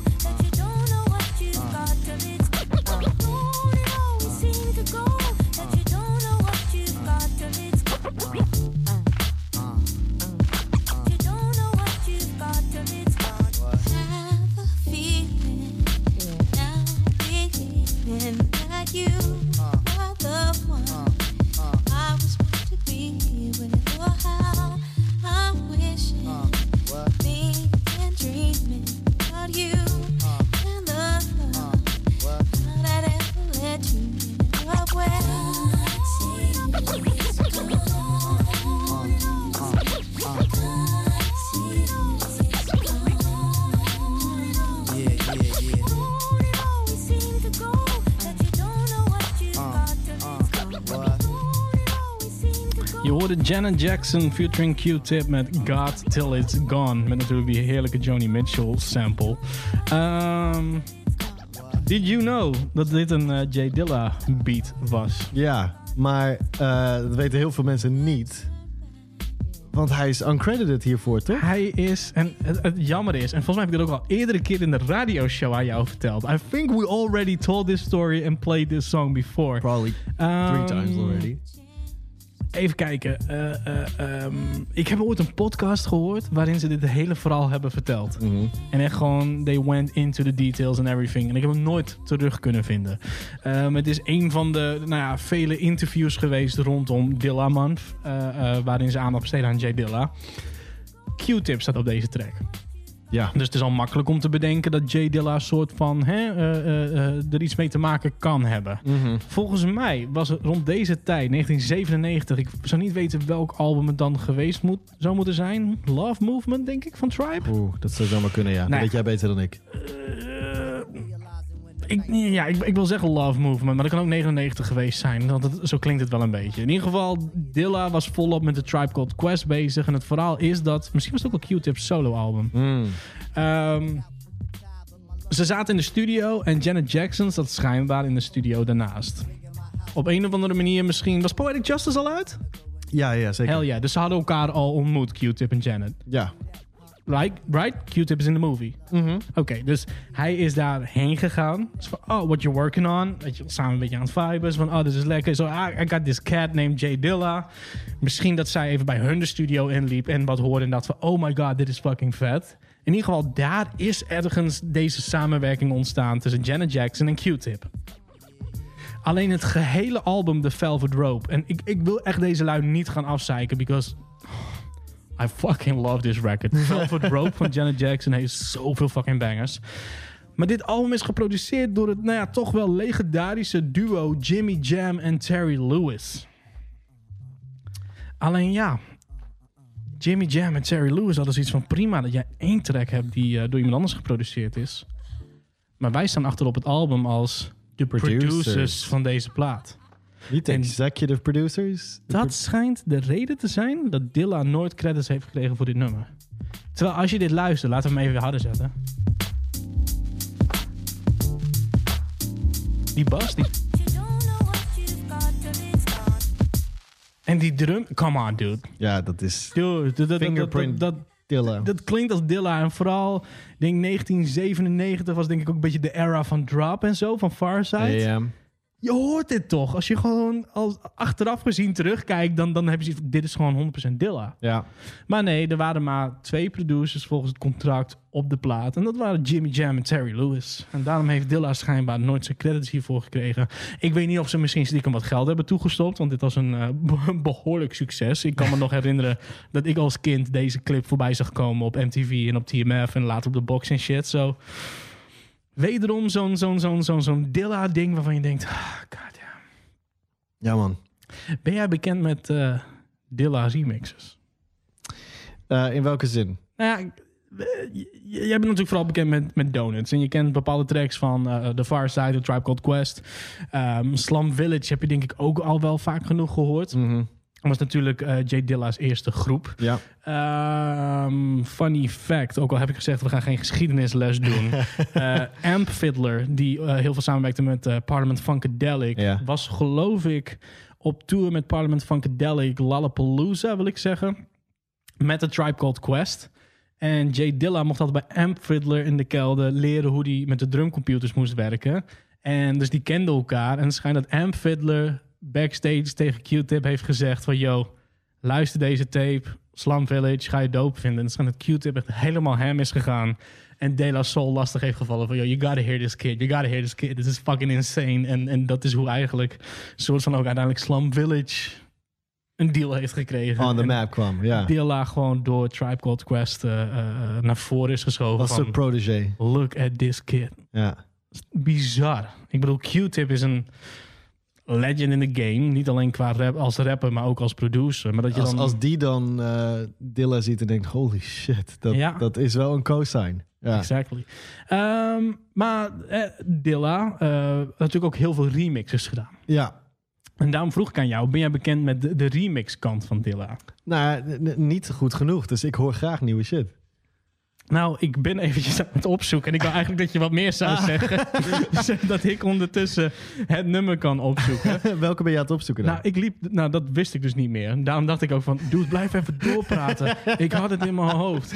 Ik wou Lucy Pearl, ah, Without You, de J Dilla remix. oh shit. Uh, Lucy Pearl was een groep met, ehm, ah, hoe heet die doe nog maar weer? Kom op, ehm, Tony, Tony, Tony.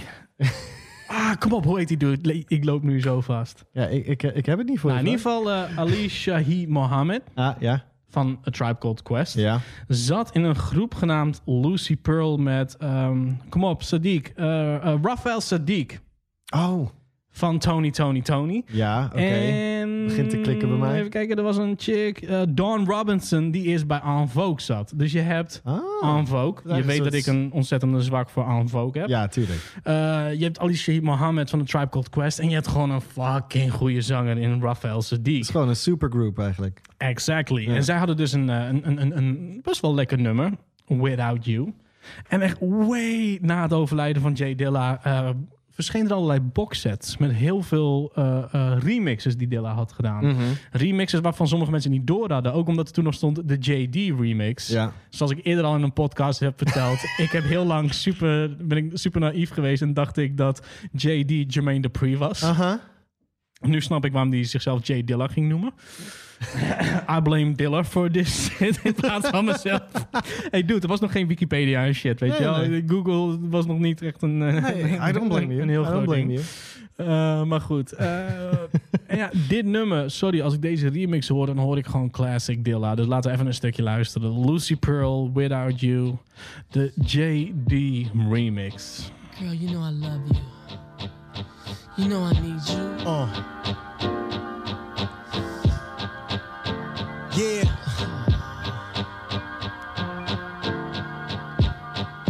Uh. Uh. Jay Dilla. Remix. Uh. Hot. Uh. Yeah, yeah, yeah. Uh. Turn it up. See, ya. no matter what you do, I will hold on to you. Uh. Yeah. You should stay down for me. Follow your heart and you will see. You will see. I can't walk, I can't talk. What can I do? I can't eat, I can't sleep. What can I do? I don't know which way to go, which way to turn. Without you, without you. Yeah. Try to imagine me and Het, het grappige is ook aan deze remix, making. is dat hij zichzelf de hele tijd op de achtergrond heeft gezegd. Ah, yeah. Without you. Volgens mij is dat ook gewoon Dilla, want in die originele track zit dat niet. Dus hij is gewoon, als ik die stem hoor, dan denk ik volgens mij is het gewoon Dilla die zelfs iets had van, oh fuck it, I'm gonna put myself all over this song. Kom, luister maar goed. can't talk. What can I do? Without you. I can't eat. I can't sleep. What can I do? Without you. God damn, dude. En dat is het bizarre, weet je. Ik heb ontzettend veel respect voor zijn muziek. Ik bedoel, uh, uh, uh, Welcome to Detroit is natuurlijk net afgelopen vrijdag opnieuw uitgebracht. Ja. Extended version, extra tracks, remixes, noem het maar op. Maar dit is mijn favoriete Dilla, man. En het voelt soms bijna gewoon kut om te zeggen van... Ja, I love Donuts. Donuts heb ik grijs gedraaid. I love The Shining. Vind ik ook gewoon een fucking goed, eh, goed album van hem. Mhm. Ja. Heel veel van de dingen die later zijn uitgebracht ben ik het niet helemaal mee eens. Ehm, had hij dat graag naar buiten willen hebben, ja of nee? Dat is altijd de Ehm, vraag, hè, met postume releases. Precies. I love Rough Draft. ehm, maar toch ben ik, ik... Ik heb een zwak voor zijn Slum Village shit. Ja. Bijna al mijn favoriete Tribe Called Quest tracks zijn Dilla-producties. En ik ben sowieso een Farside fanboy, dus... Ik heb het idee dat, dat mijn liefde voor Dilla toch um, in, in heel veel... Producties voor andere artiesten zit. Ja. Ja. Heb jij nog een track waarvan je denkt... Die, die wil ik wel even dat je die eventjes... Ja, Deelt nou, met de mijn luisteraar. favorite, zeg maar. Nou, bewaar die maar even. Maar ik ben wel eventjes benieuwd waarvan jij zegt van... Nou, Nou, dit is een... Wat ik wel tof vind, we hebben eh, een aantal specials over sampling gedaan natuurlijk. Mhm. En ehm, wat dan vaak naar voren komt, is, is dat moment dat je een track hoort en dan ineens denkt: oh shit, dit sample die en die track. Of andersom, dat je al de sample beat kent en dan ineens de original track tegenkomt. Ja. Ehm, en eh, eh, we noemden het net al, die eh, Working On It track met die 10cc sample, Worst Band in the World. Nou, gewoon, laat zeggen, dit staat in de top 5 op Spotify van Dilla tracks. Ja, precies. Dit is echt een hele bekende track natuurlijk. Maar ik, ik weet nog dat ik eh, Donuts draaide een keer met mijn vader samen in de auto. En, ehm, en, en die track komt erop. En, en hij was zo... Oh shit, dit is 10cc. En we waren toen The bij... greatest band in the world, geloof ik, heet het nummer. Eh, worst, toch? Oh, the worst band the Ja, world. worst. Ja. But they're working on it. Dat was Yes, volgens mij de lyric in die song. Klopt. We're the worst band in the world, but we're working, Working on, it. exactly. en en ehm, eh, volgens mij heeft hij nog ietsje harder naar huis gereden... om meteen uit de platenkast de 10cc-plaat op de platenspeler te leggen. En dan heb je zo'n mooi gezamenlijk geeking out moment, weet je wel? Met, met iemand die de original vooral kent... en iemand gek. zoals ik die de sample vooral kent. Laten we even een stukje luisteren. Working on it.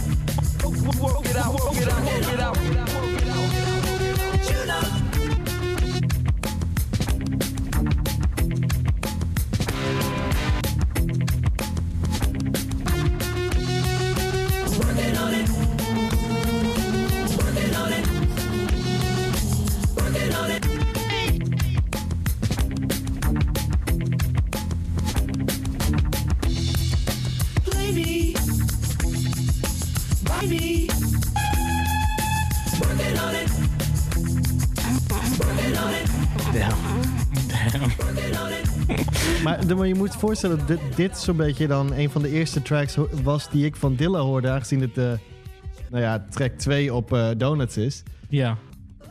Dat je denkt, oh, oké, dit is de sound van Dilla. En dan ontdek je ineens dat hij ook Run In en God Till It's Gone en, en al die shit ook heeft geproduceerd. Dat je, Jesus, wat, welke sound kon hij niet?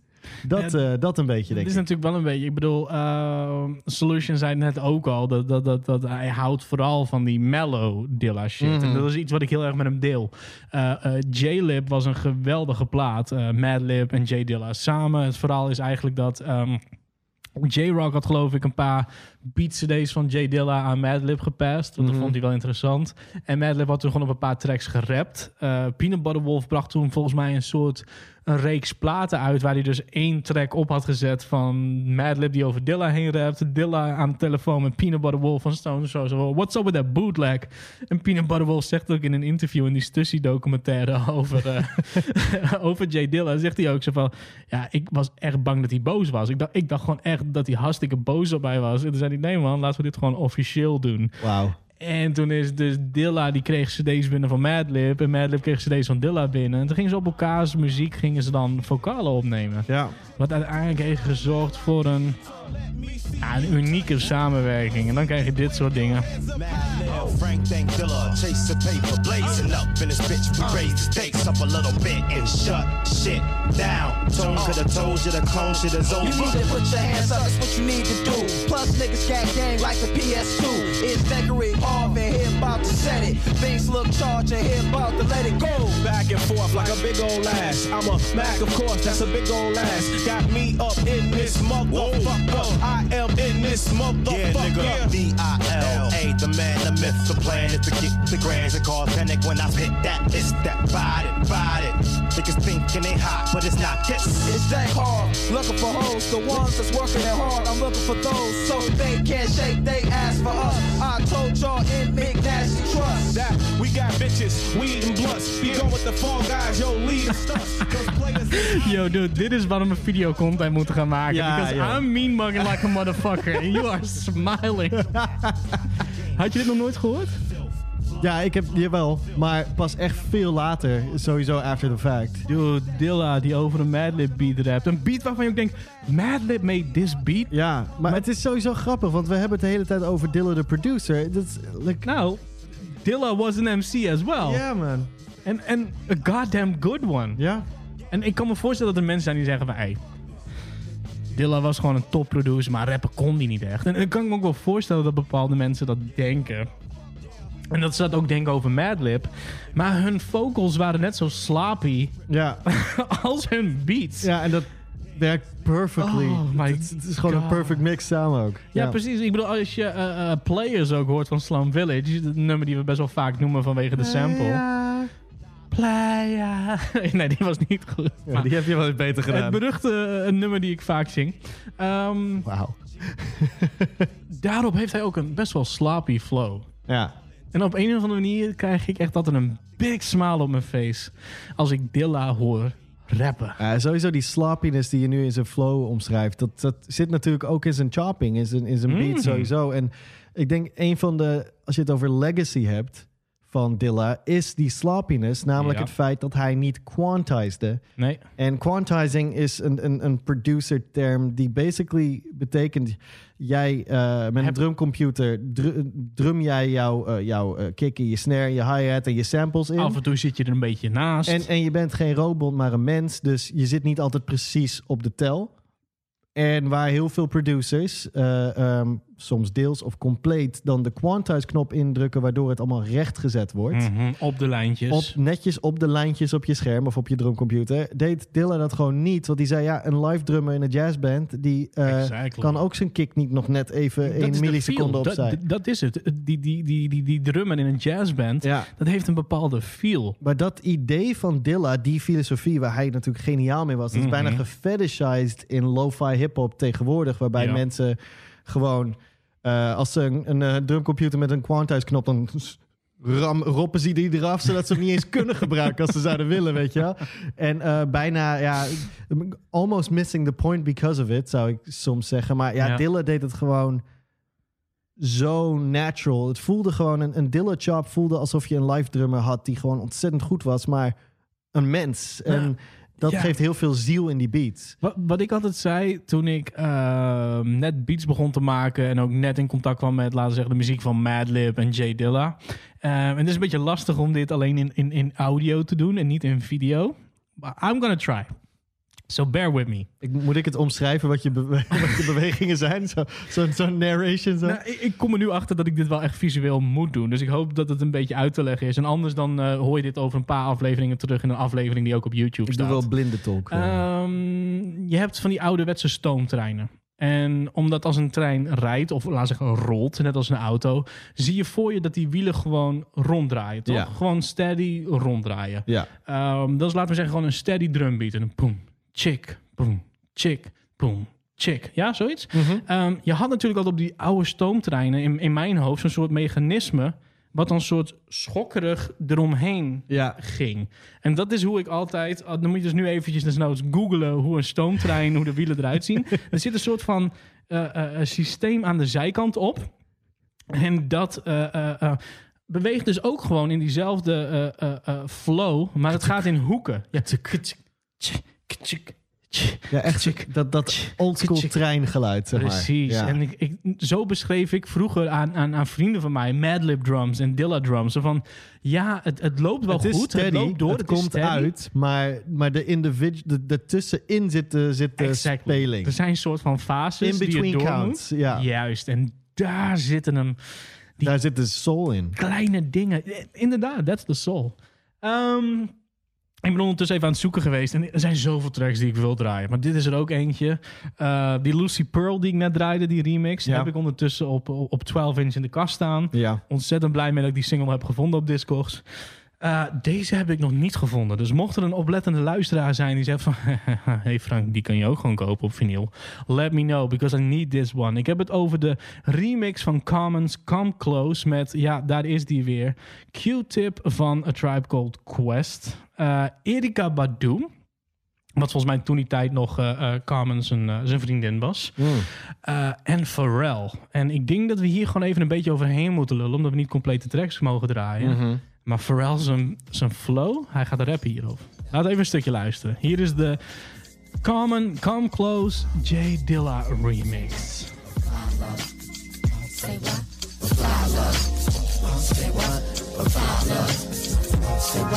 I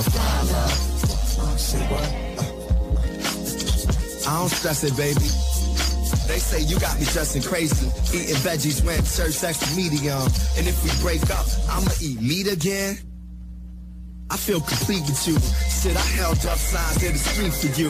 In the streets, people ask about me and you. I tell them we go through what most people do. Let's let go of fear, love. We can grow as long as my beard does. You push me in the way you supposed to. Queen, you're the one I come close to. Come close to me. Come close, baby. Come close, my baby. Let me hold you, love. Come closer, love. It gets crazy, baby. Mag ik even zeggen dat ik vaker Erica Badu en Pharrell samen wil horen zingen? Ja, dat mag. Hoorde je dat net? Ja? Damn. Hier, Pharrell. But now I'm back to my skater roots. But still got friends in the gator blues. Uh, what's up with them hater dudes? Wow, hating is okay to you? Why? Cause they drive in them fancy cars? Look, well I can ride you on my handlebars. Love my BMX, baby. I'm creative with Tourette's, baby. My testicles filled with ecstasy. When I think about you, make it please. Smooth. God damn. Buttery smooth. Buttery. Uh, voor de oplettende luisteraar, dit is natuurlijk eh, een sample die vaker is gebruikt. Eh, Daylight van Ramp. ehm, ook door Tribe gebruikt. Dus het is ook een soort van een eerbetoon aan Tribe, lijkt het wel. Ja. Maar di- dit is gewoon de kracht van Dilla. Ja. En, en, en, en het wordt natuurlijk vaak ook onder, het, eh, onder, onder de, onder de Neo-Soul banner gegooid. Eh, dat natuurlijk in verband met eh, zijn relatie met D'Angelo, Erica Badu en The Roots. Wat natuurlijk samen ook weer een crew was. Had hij ook een relatie met Nee. Erica? Oh, want iedereen heeft een relatie. Nee, want Dilla heeft nog wel lang goede muziek gemaakt. Ah, en meestal als je ja, een relatie met. Erica Badu hebt gehad. Ja, dan gaat je carrière ten onder. Ja. Ja, en toch wil ik nog steeds wel die Erica Badu Vagina 4 ook voor mijn verjaardag hebben.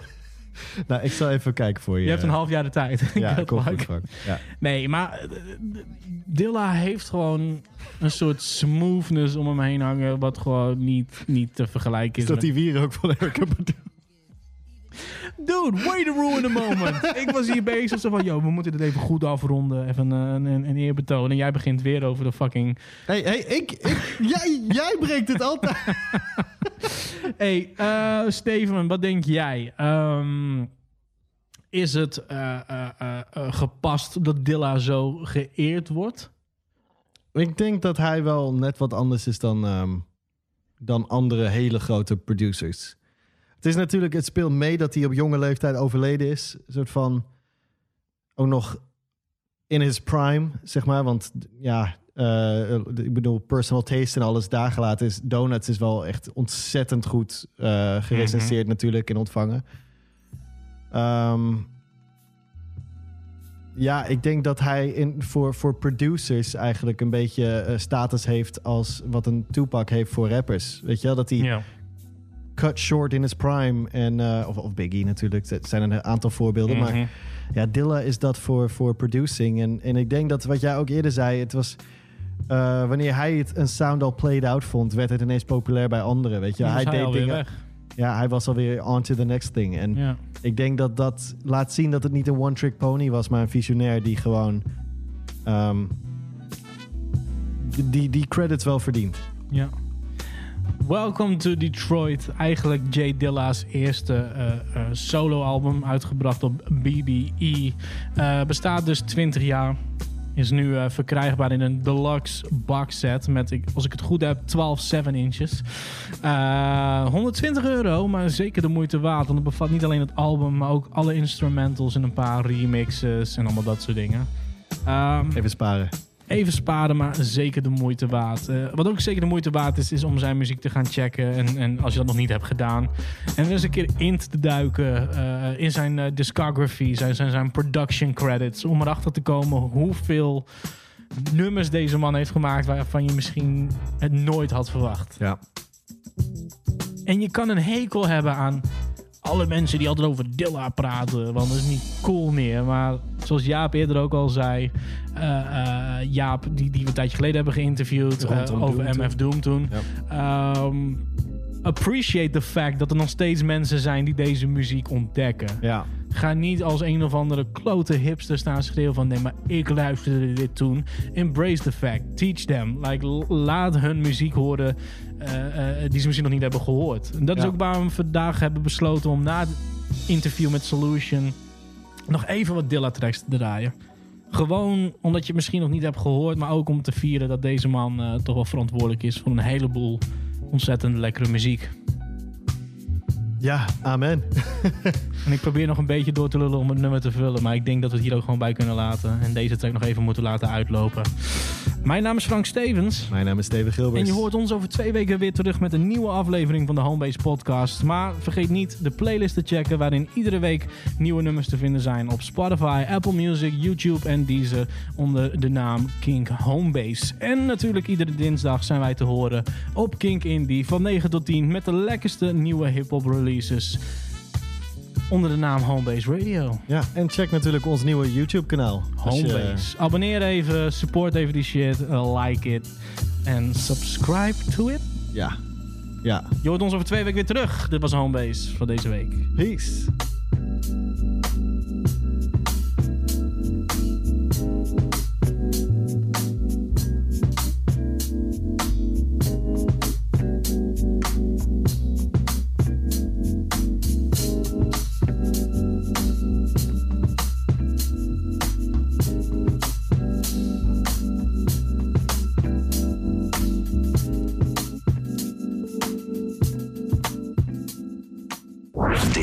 Een podcast van Kink. Voor meer podcasts, playlists en radio, check kink.nl.